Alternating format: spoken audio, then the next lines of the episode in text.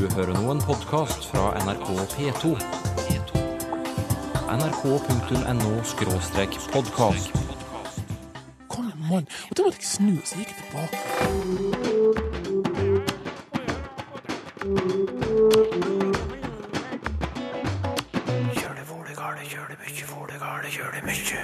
Er det greit å si at noen snakker slurvete?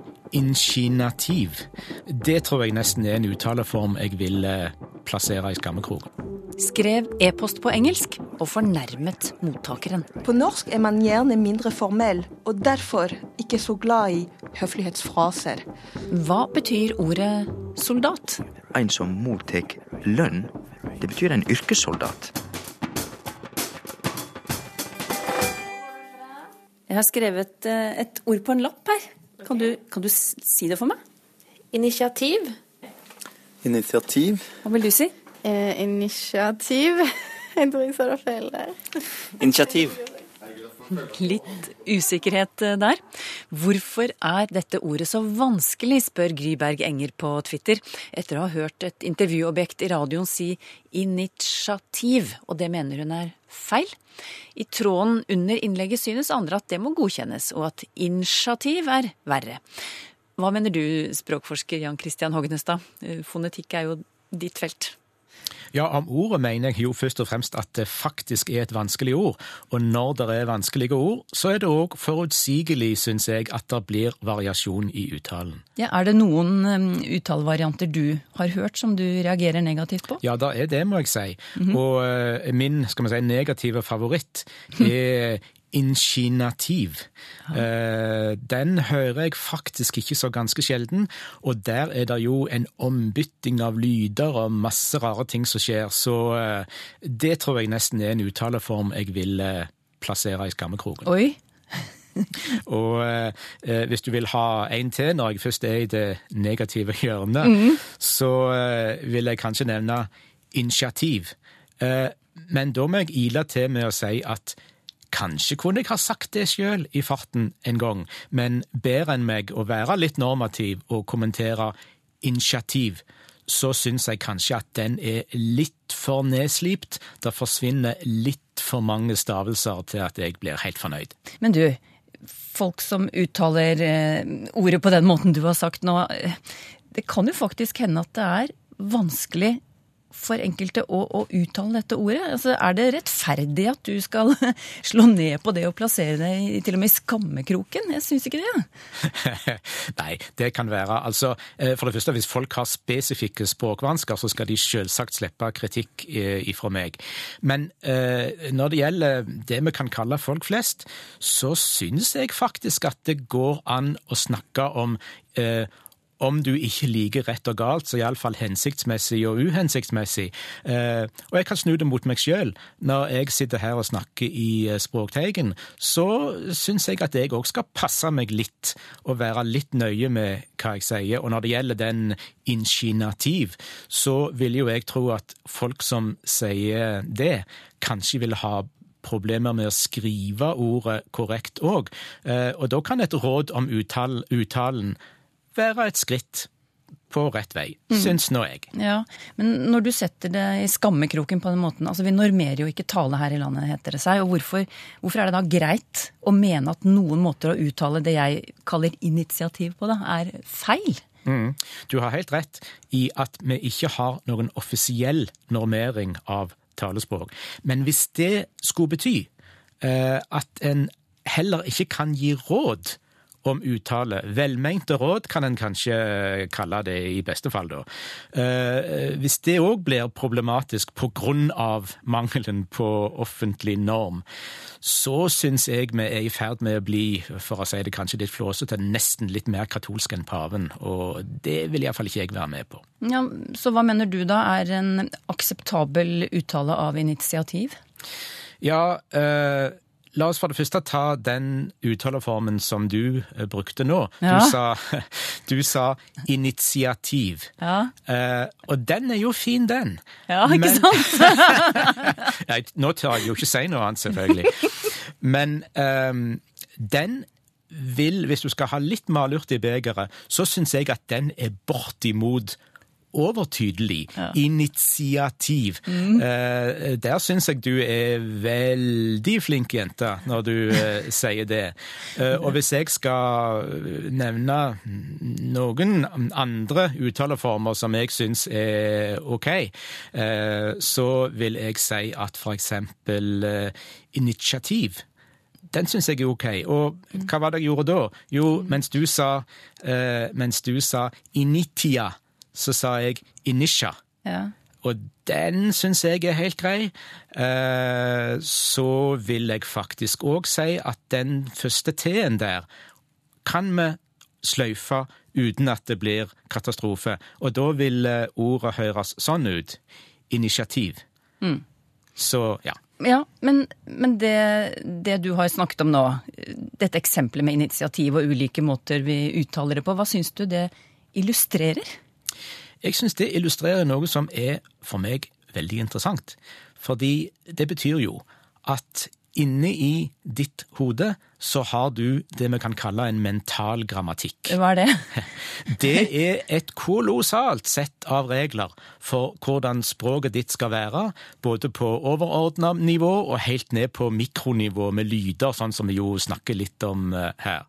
Men når du snakker, og når jeg snakker, og vi river og sliter i språket, som vi jo gjør når vi bruker det, så er det ikke alt i detalj i denne mentale grammatikken som dukker opp på den språklige overflaten. Og selv om det er sånn, så er ikke alt dette her å regne som slurv. Nå var jo jeg så frekk i stad at det var noe jeg sa at dette syns jeg er slurv, men eh, her må vi være helt klare på at en god del sånne prosesser er helt naturlige på den språklige overflaten, selv om vi ikke speiler den mentale grammatikken vår i detalj alltid. Du, jeg, jeg føler behov for et, et, nok et eksempel på det du sier nå, for det hadde vært litt greiere å gripe det da.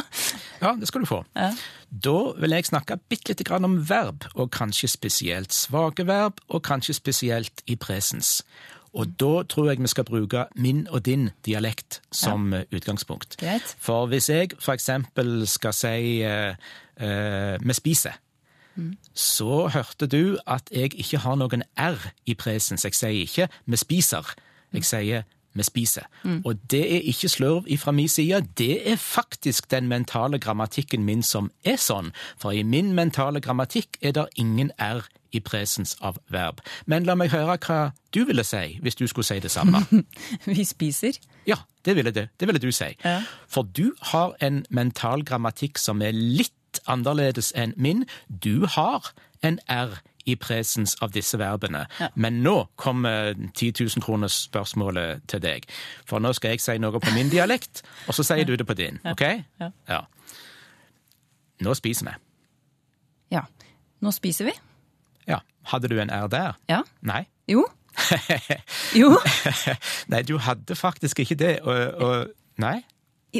Nå spiser vi. Nå, nei. Nei, den forsvant. Ja, det gjorde den. Ja. Hvorfor gjorde den det? Jo, eh, faktisk så eh, forsvinner sånne lyder òg etter regler. De dukker opp etter regler, og de forsvinner etter regler.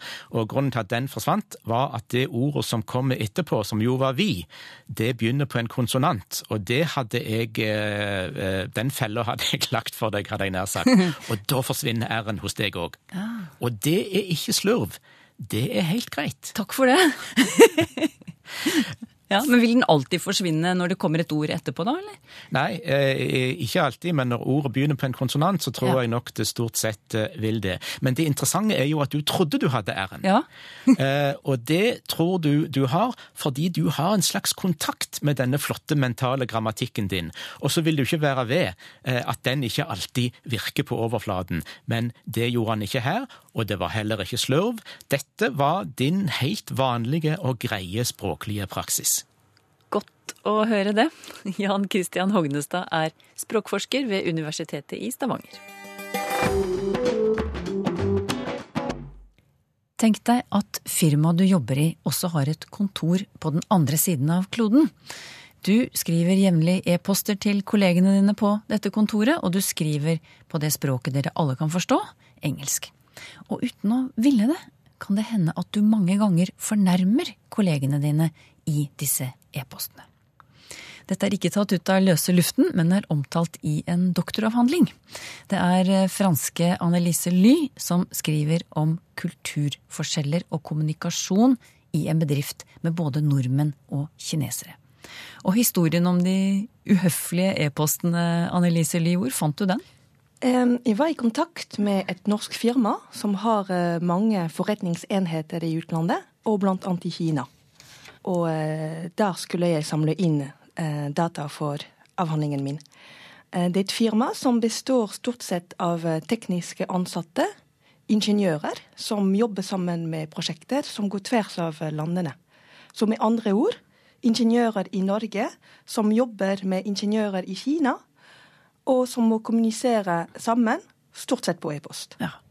Og disse e-postene skal vi snakke litt om nå, for da det oppsto konflikter mellom noen av de kinesiske og norske ingeniørene, så trodde ledelsen først at det handlet om generelle kulturforskjeller.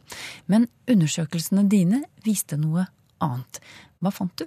De fant ut at når de snakket om kulturforskjeller, at det de egentlig mente, var kommunikasjonsproblemer. Og kommunikasjon kan være utfordrende når det skjer på engelsk, som ikke er ditt morsmål, morsmålet til ingeniørene. Og ekstra utfordrende kan det være når kommunikasjonen foregår på e-post. For der ser man ikke hvordan mottakeren kommer til å reagere på det du skriver, eller måten du skriver det. Men du, du sier e-post. I hva slags e-postkommunikasjon var det helst det kunne oppstå problemer mellom ja. disse kinesiske og norske kollegene her? Ja, da har jeg analysert 180 eh, e-post og sett at når man skulle uttrykke en kritikk eller en uenighet, at det kunne være problematisk. Ja, hvorfor, hvorfor akkurat det? Rett og slett fordi at man uh, liker ikke å bli kritisert generelt, om man er fra Kina eller fra Norge. Alltid, man må være alltid forsiktig når man uh, skal si at jobben er ikke bra, eller dataen er ikke riktig. Men hva, hva, var det slags formuleringer som eh, skapte reaksjoner, da, når det var snakk om kritikk eller uenighet? Ja, da har jeg identifisert tre hovedproblemer om eh, måten nordmenn skriver e-post generelt, og skriver kritikk og uenigheter. Og den første, det er kommunikasjonsferdigheter i engelsk. Det andre er at nordmenn kan bli oppfattet som for direkte. Og det tredje er at nordmenn kan bli oppfattet som uhøflige. Hvis vi tar det første først, da, kommunikasjonsferdigheter i engelsk. Eh, hvor er det, hva er det som mangler der, som kan skape problemer? Um, mange firmaer bruker engelsk som arbeidsspråk, og ledelsen tar for gitt at alle ansatte mestrer språket bra nok til å jobbe. Mm. Og det er riktig at nordmenn klarer seg bra i en dagligdags samtale, men i en jobbsammenheng kan de slite med en del nyanser for å uttrykke seg hensiktsmessig. Ja. Har, du, har, du, et eksempel på hvordan en sånn nyanse kan bli borte? Eller? Ja. ja. Um, det var en e-post der en uh, kinesisk ingeniør foreslo en uh, forandring. Og norske mottakeren var ikke helt enig med denne forandringen. Og da skrev han Your modification doesn't make sense in my eyes. Og det går ikke. Og hvorfor det? Å si at det ikke gir mening. At man ikke er enig med noe, er en ting, men å si at det ikke gir mening, er altfor bastant, altfor direkte. Spesielt i en jobbsammenheng. Tror du det var meningen å være så bastant, eller var det, hva var det som gjorde at det kom ut på den måten, tror du? Jeg tror det rett og slett at uh, den norske ingeniøren ikke hadde de riktige ordene, de nyansene, for å mm. uttrykke akkurat det han ville si på mm. engelsk. Ja. Manglet ord, rett og slett? Ja. Mm, mm. ja. Så ja. da ble det for bastant og for direkte. Og nå er vi jo egentlig inne på det som var ditt punkt to, at nordmennene kan være for direkte. Hadde du, hadde du, noen flere eksempler der på hvordan det kan skape dårlig stemning? Ja, eh, jeg vil si først at eh, nordmenn jeg har intervjuet, liker å beskrive seg selv som direkte. At det er sett som eh, svart positivt å si ting rett ut. Og det går fint å være direkte når man skal be om en rutinesak.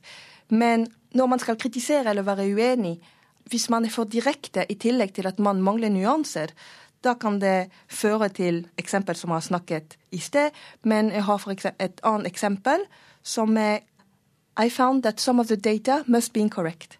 Altså, jeg ser at eh, noe av dataen du har sendt meg er feil, rett og slett. Det er Ja. det, ja. Ja. Mm. Og da ordet 'incorrect', forsterket av ordet 'must', eh, antyder at mottakeren tar feil, og at du vet bedre. Og når jeg spurte i en, i en spørreundersøkelse hvordan kineserne oppfattet denne e-posten, da sa de at uh, denne e-posten var for direkte. Og spesielt de reagerte veldig sterkt på ordet 'incorrect'. Og at e-posten var nedlatende og uvennlig. Så det skaper ikke riktig grunn for videre samarbeid. Nei, men det var sikkert ikke ment å, skulle bli oppfattet på den måten. Nei. Nei, nei. Uhøflig, det var ditt siste punkt. Vi er ufrivillig uhøflige i e- engelskspråklige e-poster, tydeligvis. Har du noen flere eksempler på hvordan eh, kineserne oppfattet e-postene som uhøflige? Ja, da mener jeg ikke at nordmenn er uhøflige. Eh, Jeg sier bare at nordmenn kan oppfattes som uhøflige i den globale arbeidsplassen.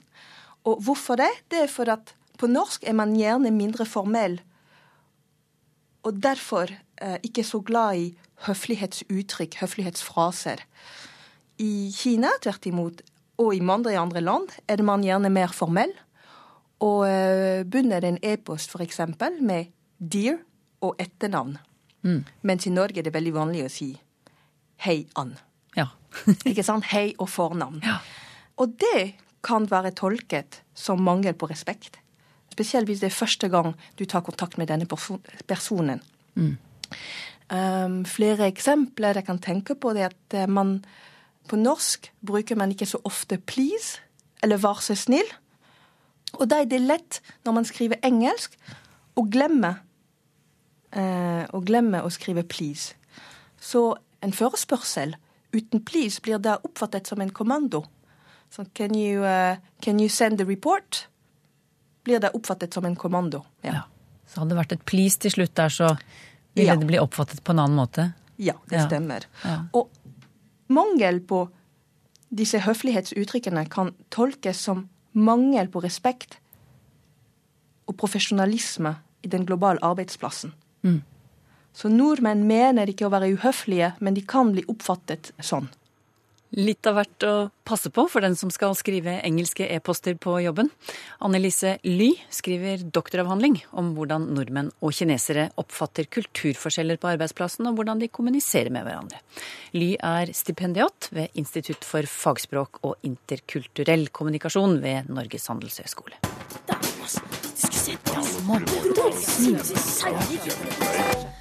Lytterne spør, og vi svarer så godt vi kan, Sylfes Lomme. Hva er f.eks.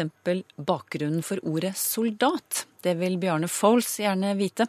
Han forteller at sønnen hans har en teori, nemlig at soldat er satt sammen av to ord. Sal, som på latin betyr salt, pluss det latinske ordet donere, å gi. Altså kan ordet soldat betyr gi dem salt. Og var det noe de romerske soldatene trengte under sine lange marsjer, så var det salt, skriver Bjarne Foles. Men er dette riktig teori, Sylfest Lomheim? Nei, det er nok ikke det. det. Vårt ord soldat, det er helt rett som det blir sagt her, at det kommer fra latin. Men det kommer fra det latinske ordet eh, å lønne, altså å gi lønn, soldare. Og det er også i slekt med solidus, et latinsk ord som betyr mynt, eh, gullmynt. Og det ordet er i slekt med vårt ord solid. Så kort sagt, det latinske ordet soldat betyr en som mottek lønn for det vedkommende gjør, altså. Det betyr en yrkessoldat. Anne Kristin Reine lurer på hva ordet tankekors kommer av. Hva betyr egentlig korset i denne forbindelsen, spør hun. Ja, vi må ikke tenke religiøst her og krossfestinga av Jesus Kristus på Golgata, men rett og slett bare tenke oss krossen. Og en kross, det er to linjer som krysser hverandre, og ei linje er loddrett, og ei linje er vassrett. Og det betyr at eh, når vi framstiller ein tanke visuelt på den måten, så er det altså to tankelinjer som virkelig krysser hverandre. Det er en motsetnad. Det er nærmest noe som er paradoksalt. Og det er akkurat det tankekors er på bokmål, og tankekross er på nynorsk. Jeg burde kanskje legge til at det er sjølvsagt kross på nynorsk som representerer den såkalla historisk rette skrivemåten, og ikke kors. For kross kommer jo av crux på latin, og vi ser jo også at på engelsk så skriver det slik som på nynorsk. Cross.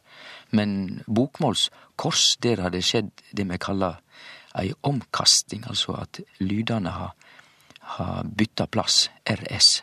Og det er heller ikke så heilt uvanlig i, i språket, fagordet, for det er metatese, altså at det har skjedd ei omkasting.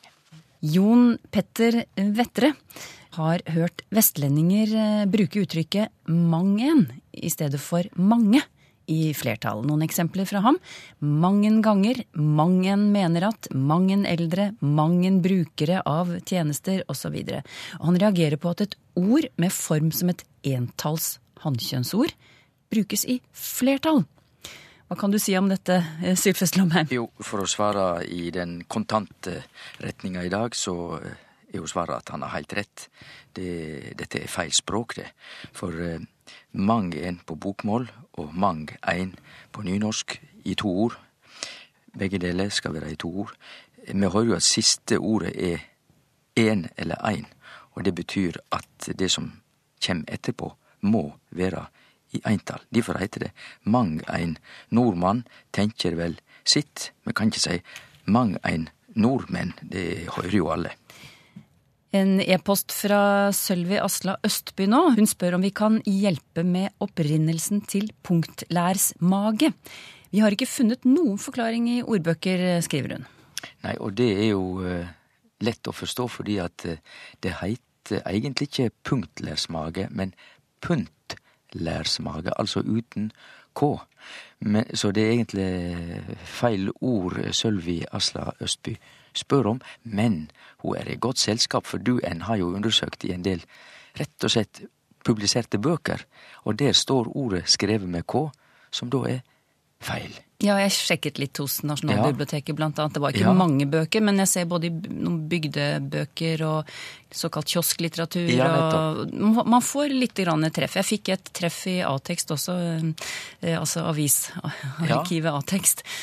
Men og, noe og veldig utbredt er det ikke på, i disse skriftlige kildene. Feil er det, og det betyr at det er dårlig språkvask. Eh, og det er ikke rart, syns jeg, at eh, det blir skrevet feil, fordi at hvem er det som kan forstå et slikt ord? Nei, Hva er det for noe, egentlig? Og når du ikke forstår det, så er det vanskelig å skrive det rett. Nei, det er altså puntlær. Og en puntlærsmage, det veit vi hva betyr, stort sett, for det er jo å ha sterk mage som tåler alt, og som fordøyer alt. Da sier vi at det er puntlærsmage. Men hva er dette med puntlær? Jo, puntlær er et veldig sterkt lær, altså skinn, sålelær, og det heiter puntler fordi det vart seld pundvis. Altså pund med T er egentlig en forvanskning av pund, en, cirka en halv kilo.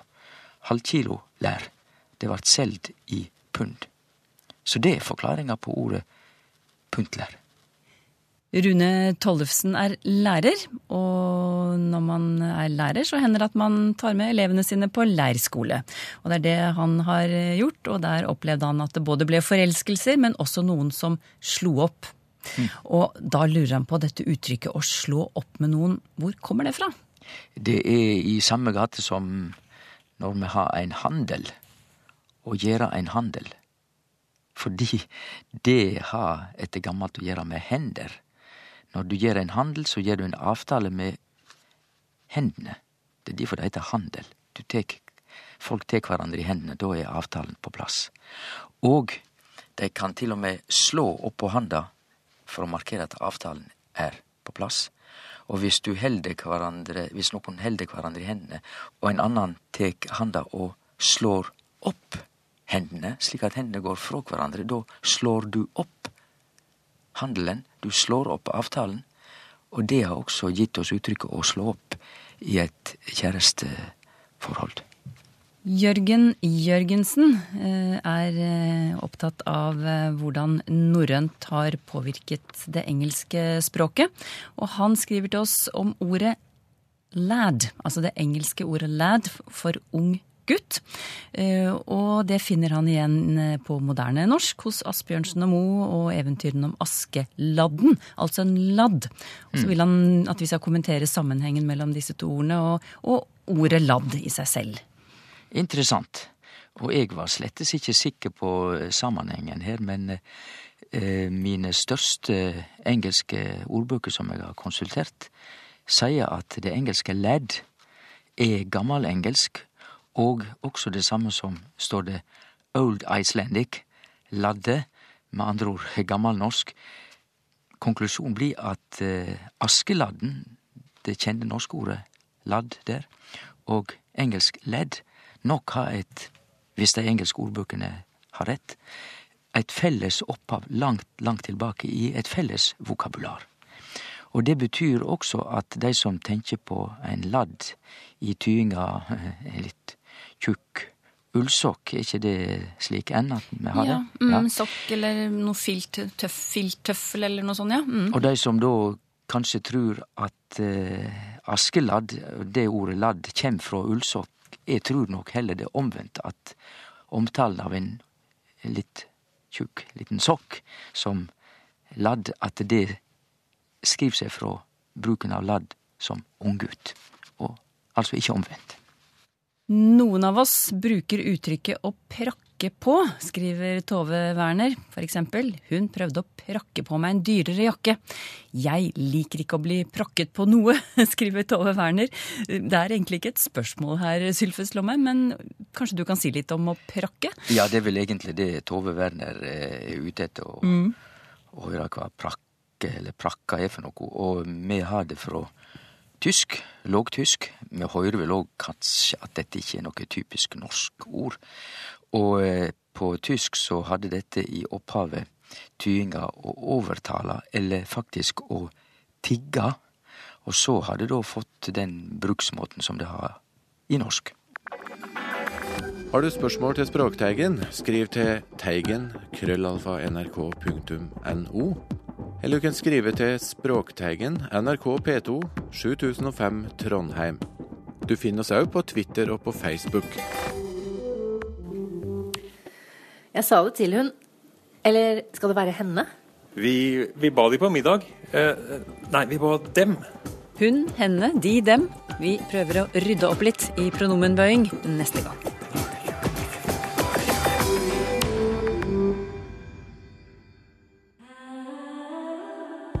nrk.no podkast.